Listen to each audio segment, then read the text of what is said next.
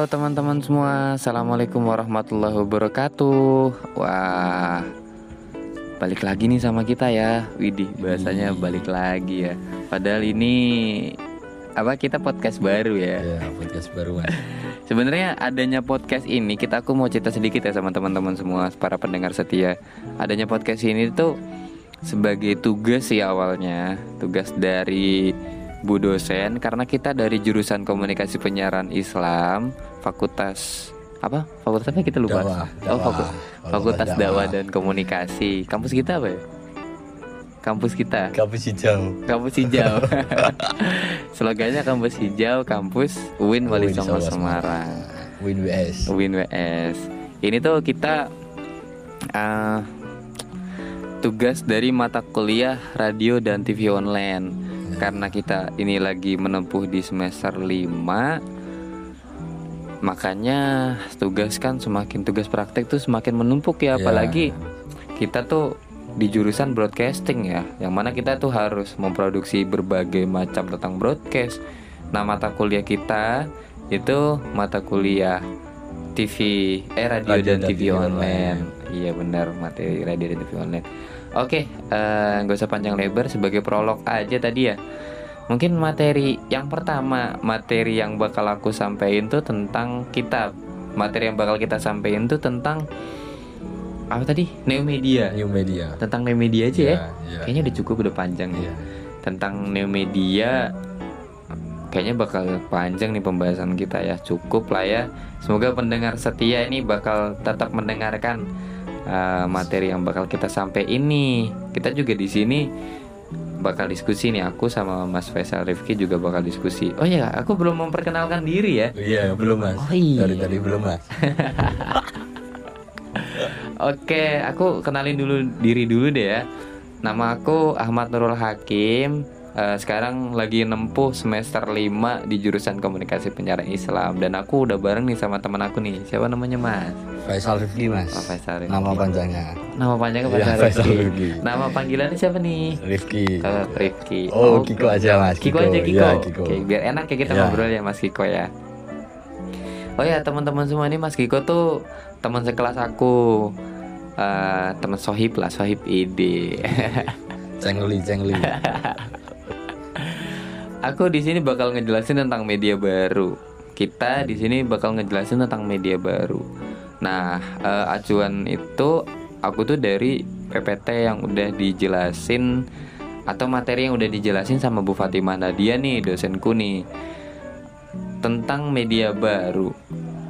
Media baru, media itu ada dua. Ada media baru yang sekarang juga ada media konvensional. Nah, media baru itu apa sih ya?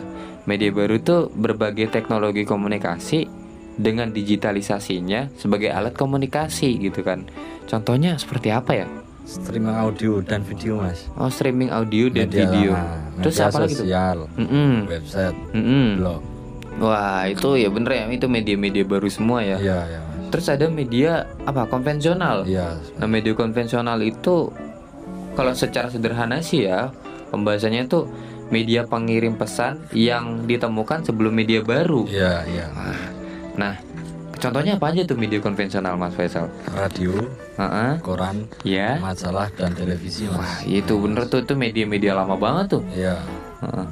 Contoh media baru yang lainnya ada nggak sih kalau yang itu? Ada mas. Apa aja tuh? WhatsApp, Mm-mm. Instagram, Hmm? Twitter, Facebook, game online, YouTube, podcast. Wah, iya bener ya. Podcast itu sekarang udah termasuk nih media. Iya mas. Media baru ya. Udah apa tuh sekarang podcast lagi berkembang pesat nih. Iya mas. Kayak podcastnya The Father of Podcast siapa itu? Deddy Si Corbuzier. Deddy Corbuzier si Ya. Mas Deddy Cahyadi. Itu nama aslinya ya btw teman-teman ya. Eh, oh ya dalam media baru juga di situ tuh ada teori konvergensi media ya. Teori Ya. konvergensi media itu artinya kombinasi layanan teknologi yang Yang berbeda dalam bentuk komunikasi informasi. Nah, di sini kan timbul pertanyaan kan, makanya kenapa sih media baru itu muncul ya? Ya. Kenapa Mas Faisal? Bisa Karena jelasin efek globalisasi inovasi media lama yang kurang relevan. Wah, iya juga ya.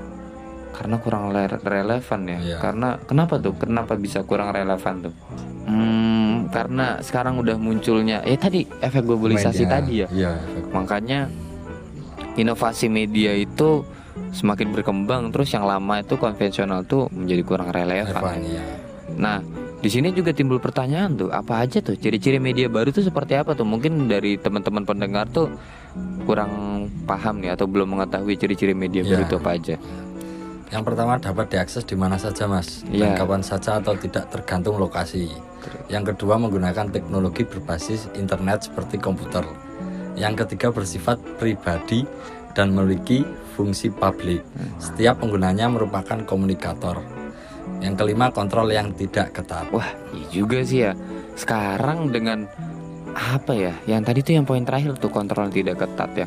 Dengan kemajuan globalisasi terus juga dengan di apa di negara Indonesia ini demokrasi juga kita kan bisa bebas berekspresi ya. Iya iya mas. Jadinya kontrolnya juga tidak ketat, ya. Ketat. Tapi ya memang tumbuhnya media baru itu menimbulkan hal-hal positif ya banyak hal-hal positif juga ada hal-hal negatifnya juga ya. Iya. Jadi berita kurang tersharing dan lain sebagainya. Hmm, lima kategori media baru. Media baru tuh ada beberapa kategorinya ya. Ya, yang Ya. pertama seperti media komunikasi antar pribadi. Eh, terus? Yang kedua media permainan interaktif. Mm-mm. Yang ketiga media pencarian informasi. Mm-mm. Yang keempat media partisipasi kolektif. Hmm, Yang terakhir nih mas subs substitusi. apa itu? Substitusi media penyiaran. oh oke oke. Wah ini kategori kategorinya nih. Nah kalau di sini tuh ada tuh keterangannya tipe interaksi pengguna baru. Ya. pengguna media baru tuh yang pertama ada one to one message terus one, to many, message, distribute message database real time communication real time remote computer. utilization terus remote information dan remote information retrieval. Hmm. Nah kalau di sini tuh tentang new media ya pasti ada aspek-aspeknya. Aspek-aspeknya tuh bisa ngejelasin nggak mas Faisal nih? Bisa mas bisa. apa aja? Sebagai hiburan kesenangan dan pola komunikasi media. Mm-mm.